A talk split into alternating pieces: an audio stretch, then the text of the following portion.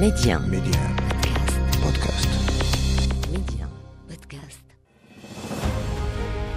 يقال من لا تاريخ له لا مستقبل له والتاريخ المغربي ماض مجيد يحفل بالوقائع والأحداث أفتح معكم أنا محمد الغول كتابه وأختار لكم منه كل أسبوع صفحة من صفحاته المشرقة صفحات من التاريخ ميدي 1 محمد الغول تاريخ المغرب أهلا بكم. قال فيها الشاعر هشام السرحاني هنا وجدة العز فارسم إشارة إلى المجد واكتب جميل العبارة وهيئ لها من صنوف المديح فوجدة للخير صارت منارة. هنا وجدة والإباء رداء لها وهي عنوان هذه الحضارة. إنها عاصمة الشرق المغربي التي يحب أهلها لقبها مدينة الألفية أو اللقب الآخر مدينة المساجد. إنها مدينة وجدة مدينة بتاريخ عريق لا زالت آثاره بارزة للعيان حتى يومنا هذا. مدينة أثر تاريخها الخاص في التاريخ العام للمغرب.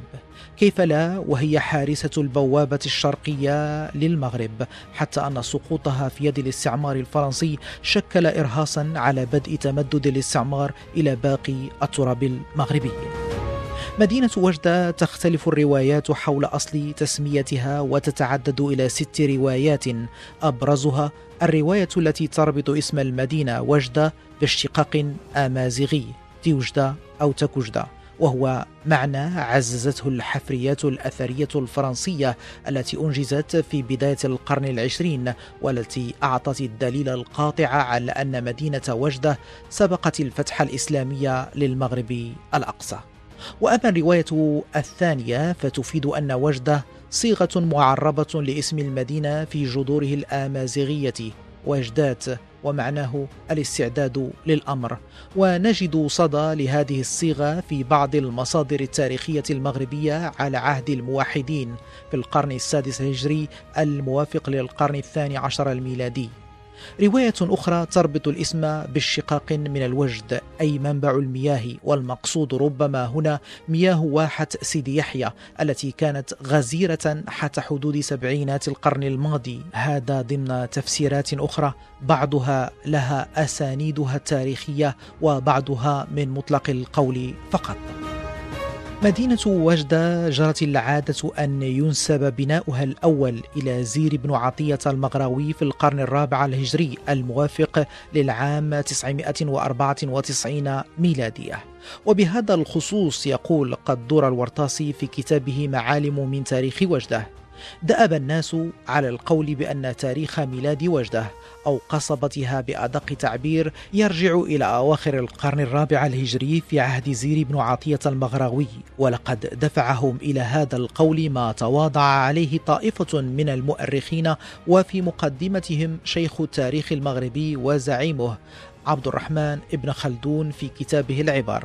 حتى يقول ومهما يكن من أمر فإن مدينة وجدة أنشئت قبل الإسلام فقد أحدثها بنو يفرن أمراء تلمسان أيام ملكهم بتلمسان. هكذا قال أبو القاسم الزياني ولم يحدد تاريخ الإنشاء بالضبط.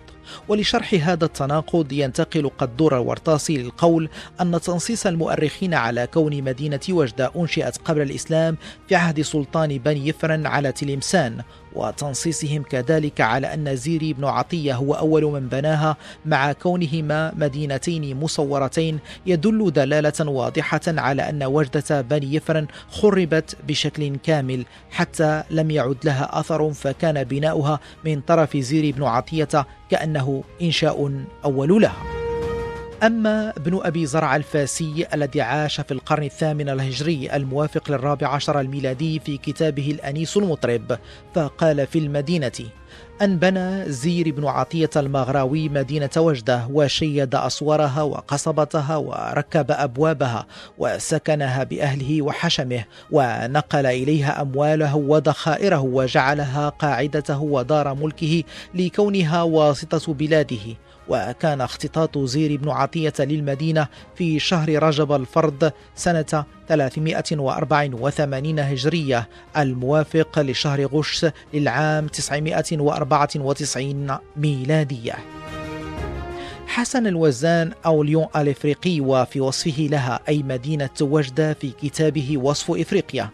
قال أنها مدينة قديمة بناها الأفارقة ويقصد هنا الآمازيغ في سهل فسيح جدا على بعد نحو 40 ميلا جنوب المتوسط وعلى نفس البعد تقريبا من تلمسان المحاديه غربا مفازه أنجاد وأراضيها الزراعية غزيرة الإنتاج تحيط بها عدة حدائق غرست فيها على الخصوص الكروم وأشجار التين ويخترقها جدول يشرب الناس من مائه. وربما المقصود هنا ماء سيديحيا وكانت أسوارها في القديم متينة وعالية جدا ودورها ودكاكينها متقنة البناء وسكانها أثرياء ومتحضرون وشجعان ولكنها نهبت ودمرت.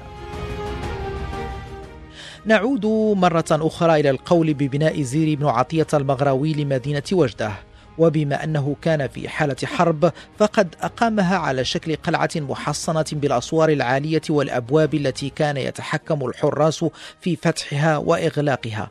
وزير هذا هو زير بن عطية بن عبد الله بن تبدلت بن محمد بن خزر وينتمي إلى قبيلة مغرى والزناتية التي كانت تنتقل بين نهري ملوية وتافنة وتخوم الصحراء المغربية كما أورد ذلك الدكتور إسماعيل مولاي عبد الحميد العلوي في مؤلفه تاريخ وجدة وأنجاد في دوحة الأمجاد.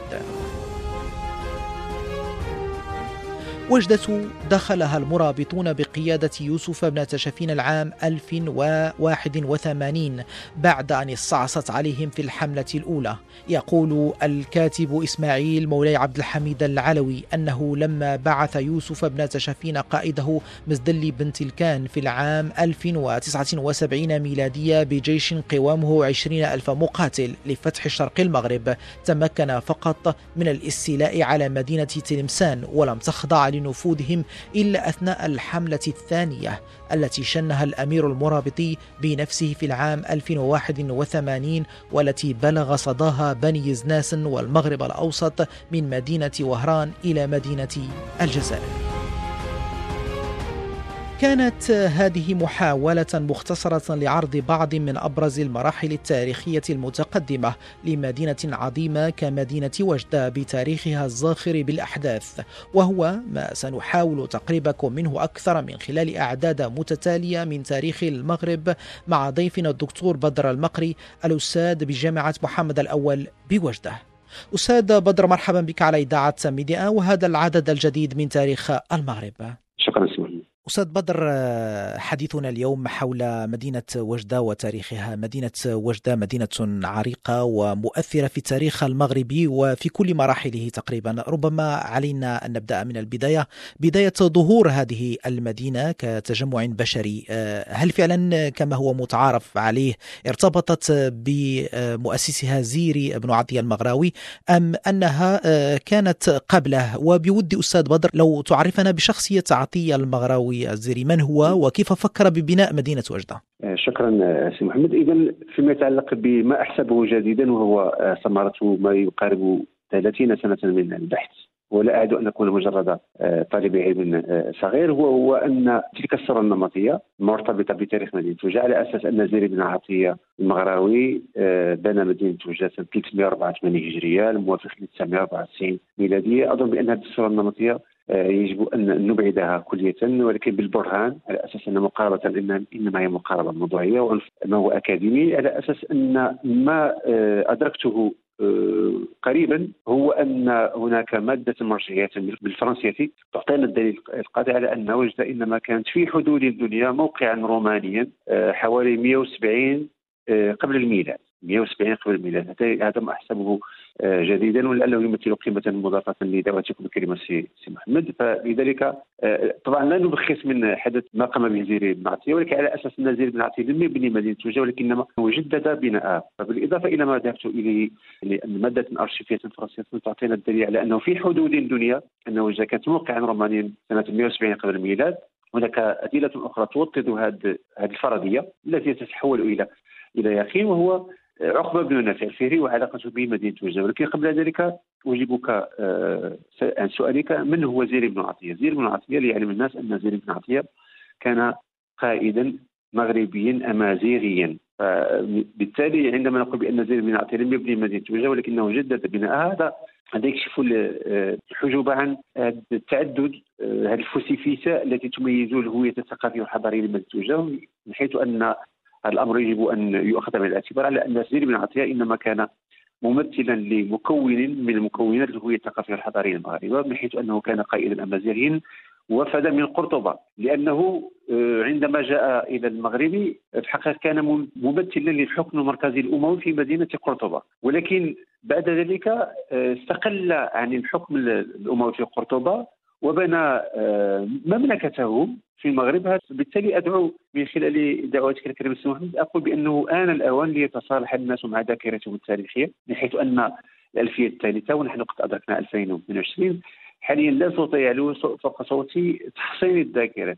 بعض يتحدث حتى عن حروب الذاكرة. أكيد أكيد. أه ودائما أقول أن المعادلة التي أبشر بها أنه من لا ذاكرة له لا هوية له. حاليا على المستوى حتى مستوى العلاقات الدولية أنه من ليست له مساحة أه، يتميز في بها في ذاكرته وتاريخه لا يمكن أن يجد له موقع قدم على مستوى العلاقات الدولية. فلذلك قلت هذا الأمر ان أن يفرد زير بن عطية القائد الأمازيغي المغربي على مدينة وجده ويؤسس مملكته ويتقي مدينة وجه كما قال ابن خلدون قاعدة ملكه.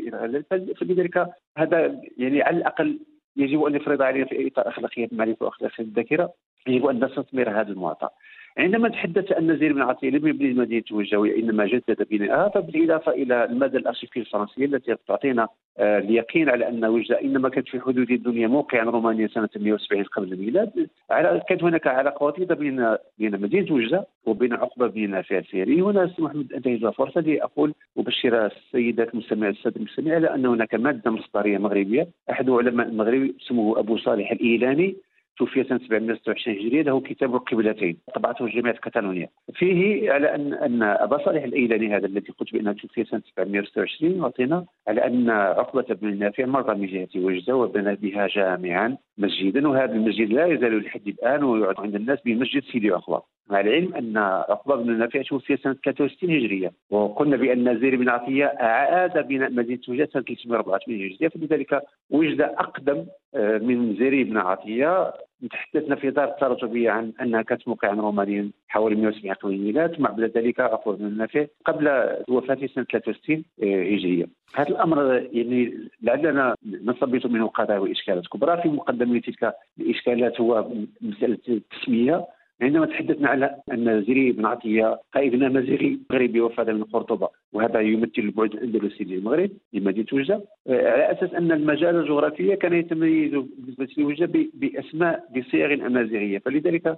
لا بأس إذا أشرت إلى أنه من من الفرضيات مرتبطة باسم وجده عندما تحدث عن وجده اسم شقة من تيوجد يوجد الأمازيغية التي تعني الاعداد وأن الإنسان يوجد شي حاجة تيوجد من شأن جمع كل هذه المعطى بالإضافة إلى فرضيات أخرى لأنه مثلا بالإضافة إلى تيوجد أنه جاء مشتقا من تيوجد آه، أن هناك مثلا آه، أحد الباحثين المغاربة الاستاذ محمد شفيق قال بأن اسم وجده مشتق من تيوجده التي نعني بها بالأمازيغية السواري والقصد إلى السواري الرومان فلذلك عرضته بما اشرت إليه عندما قلت بأن هناك مادة ارشيفيه فرنسية تعطينا البينة على أن وجده كانت في حدود الدنيا موقعا رومانيا سنة حوالي 170 قبل الميلاد. أه، فارس نعم. الكريم ربما أه، ما يؤكد بأن المدينة تواجد البشري بها قديم هو أن المنطقة كانت خصبة وكانت تتوفر على مصادر ماء كثيرة فعلا. كما تذكر المصادر التاريخية. فعلا هذه في اطار الصور أه، النمطية فلذلك أقول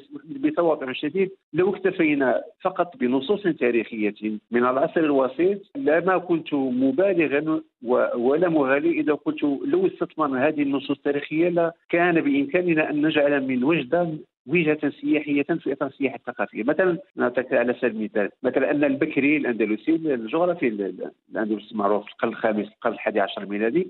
عندما مثلا يقول في كتابه المسالك والممالك وجد مدينتان مسورتان. اذا هاي المدينة إحداهما قديمة والأخرى محدثة. هاي بعد أعطانا هذه وحدة قديمة أزلية. ثم يتحدث على أن مدينة وجه هي مدينة البساتين والمياه إلى غير ذلك. نفس الوصف. اذا لقوا الاحتان اليوم والافريكا الحسن الوزن الفاسي الذي توفي حوالي 756 هجرية. اذا في القرن العاشر آه، السادس عشر الميلادي هو نفس الشيء أن وجد تكاد تكون معادلة لوفرة المياه وخصوبه الأراضي والهواء النقي. فلذلك أقول يعني آن الآوان لنستثمر على أساس أن التاريخ ليس مجرد حكايات حاجيات ولا لكن هو وليس قضية الماضي ولكن التاريخ هو قضية الحاضر والمستقبل. يمكن أن نبني هذا الحاضر ونستشير في المستقبل دون أن نولي وجوهنا قبل هذا هذا الماضي. فعلى ضوء ما أشرت إليه من شذرات محمد بإمكاننا أن نقول بان وجده إنما هي نتاج عبقرية الزمان وعبقرية المكان لأننا حتى بالنسبة لعبقريه المكان موقع استراتيجي. وحتى بالنسبة عندما نقول بأن زيد بن عطية لم يبني وجدة ولكنه جدد بناءها لما أسس مملكه في المغرب واتخذ قاعدة ملكها العاصمة هي مدينة وجدة لأنها عبقرية المكان هي تتجلى في همزه وصل بين المغرب والجزائر انها توجد جنوب البحر الأبيض المتوسط عندها تقريبا 50 كيلومتر وأن جنوب 400 كيلومتر عندنا فكيك إلى غير ذلك كأنها بوابة الصحراء. وهنا الشيء بالشيء يذكر سي محمد هو هذا الأمر التقطه المارشال ليوتي عندما احتل مدينه وجده يوم الجمعة 29 مارس سنة 1907 عندما قال عبارة يجب أن نحسن قراءتها قال وجده مدينة متعددة الأبعاد وجده cette ville multidimensionnelle فلذلك هذه عبقرية المكان ترتبط كذلك بعبقرية الزمان. أشرت إلى أنها كانت في حدود الدنيا موقعا رومانيا. عقبة بن نافع أسس فيها مسجدا. زير بن عطية جاء من قرطبة. ثم هذا الأمر يعني ألقى يعني أصبح منطقا يحدث كل مسار تاريخي عبر عبر العصور لمدينة توجة. مثلا يمكنني عندما تحدث عن نزير بن عطية جاء من قرطبة إلى مدينة توجة. أنه مثلا في العصر المغربي كيف نفسر أنه كانت هناك قضية لافتة للنظر وهي أن علماء وجدة كانوا يفيدون على الأندلس كانوا كبار علماء الأندلس. مثلا سيدي عبد الله بن سعيد الوجدي كان من علماء علماء وجدة الذين وفدوا على الأندلس في أواخر القرن الخامس أي على عهد المرابطين. نجد لائحة طويلة في هذا الباب وهذا هذا عبقرية الزمن وعبقرية المكان. اذا في تقاطعهما آه، أصبحت كذلك يعني لبنة من لبنات الهوية الثقافية والحضاره الحضاريه لمدينه وجده مثلا عندما الهوية الموسيقية لمدينه وجده هي هي الموسيقى الأندلسية أو الموسيقى الغرناطيه نسبه إلى الأمر لا زال مستمرا آه، حتى وقتنا هذا. فعلا فعلا فلذلك كيف نفسر بالإضافة إلى إشارة إلى وفادة علماء وجاء الأندلس؟ كيف أن كانت هناك هجرة جماعية ليهود إشبيلية إلى وجدة وندمتو سنة 1391 كيف نفسر أن آخر سلاطين الأندلس؟ وهو أبو عبد الله النصري آخر سلطان عندما سقطت دولة الإسلام في غرناطة سنة في يناير 1492 عندما طرد طرده القشتاليون عندما طرد نزل في ميناء غساسة هذا ميناء غساسة يوجد حاليا في إقليم الناظور هذا هذا أبو عبد الله النصري آخر صلاة المسلمين في الغرناطه عندما جاء نزل في الجهة الشرقية. يعني كان له ارتباط قوي بالمنطقة. فعلا إذا نزل ماشي بجسده نزل بثقافته بتقاليده إذا فلذلك ثم هناك أمر آخر هو تعريف يمكننا أن نجد له يعني في إطار حق الانثروبولوجيا السوسيوثقافيه هو محمد أنني قمت بجرد لجذور تقاليد الطبخ في مدينة وجد التي لا تزال لحد الآن جذورها أندلسية. هذا طبعا ليس بكلام شفوي لا لا, لا أكيد المطبخ الوجدي متميز في ضمن المطبخ المغربي. علماء بلنسيه وابن رزين التجيبي في القرن السابع. الثالث عشر ميلادي أنا أتحدث هنا الطبخ ليس في بعده السيرتي ولكن باعتبار الطبخ آه، مسألة ثقافية. عندما اتحدث مثلا عن الزلابية عن المقروط عن الكيك عن التفاية عن التشينة عن المروزية واللائحة طويلة في هذا الباب. فلذلك هنا تبدو لي عبقرية الزمان عبقرية ما كان هنا المساحة التي تجمع مدينة وجه بالاندلس الدكتور بدر المقري الأستاذ بجامعة محمد الأول بوجدة شكرا جزيلا لك على كل هذه المعطيات القيمة. آه، شكرا آه، سي محمد. نواصل معك دكتور الأسبوع المقبل الغوص أكثر في هذا التاريخي الزاخر لمدينة وجدة حتى تاريخها الحديث. مستمعينا أعاود تذكيركم أنه يمكنكم الاستماع وإعادة الاستماع لأعداد تاريخ المغرب حصريا عبر تحميل تطبيق ميديا بودكاست. إلى اللقاء. ميدي 1 محمد الغول تاريخ المغرب.